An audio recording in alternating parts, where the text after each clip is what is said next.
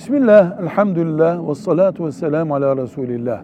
Mukaddesata ait kavramların müzikte, çalgıda, şarkı sözlerinde kullanılmasından Allah'a sığınırız. Mesela anlaşılması için bir örnek zikredelim.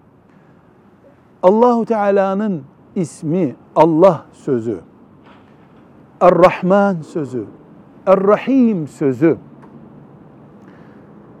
çalgı aletleri eşliğinde söylediğin söylendiğinde, müzik notalarına uygun olarak söylendiğinde bunlar ibadet değeri asla taşımaz. Bilakis biraz önceki dinlenen bölümünde melanet şeyler söylenmiş bir müzik parçasına şimdi en mukaddes sözler malzeme olarak kullanıldığı için bundan vebal bile oluşur.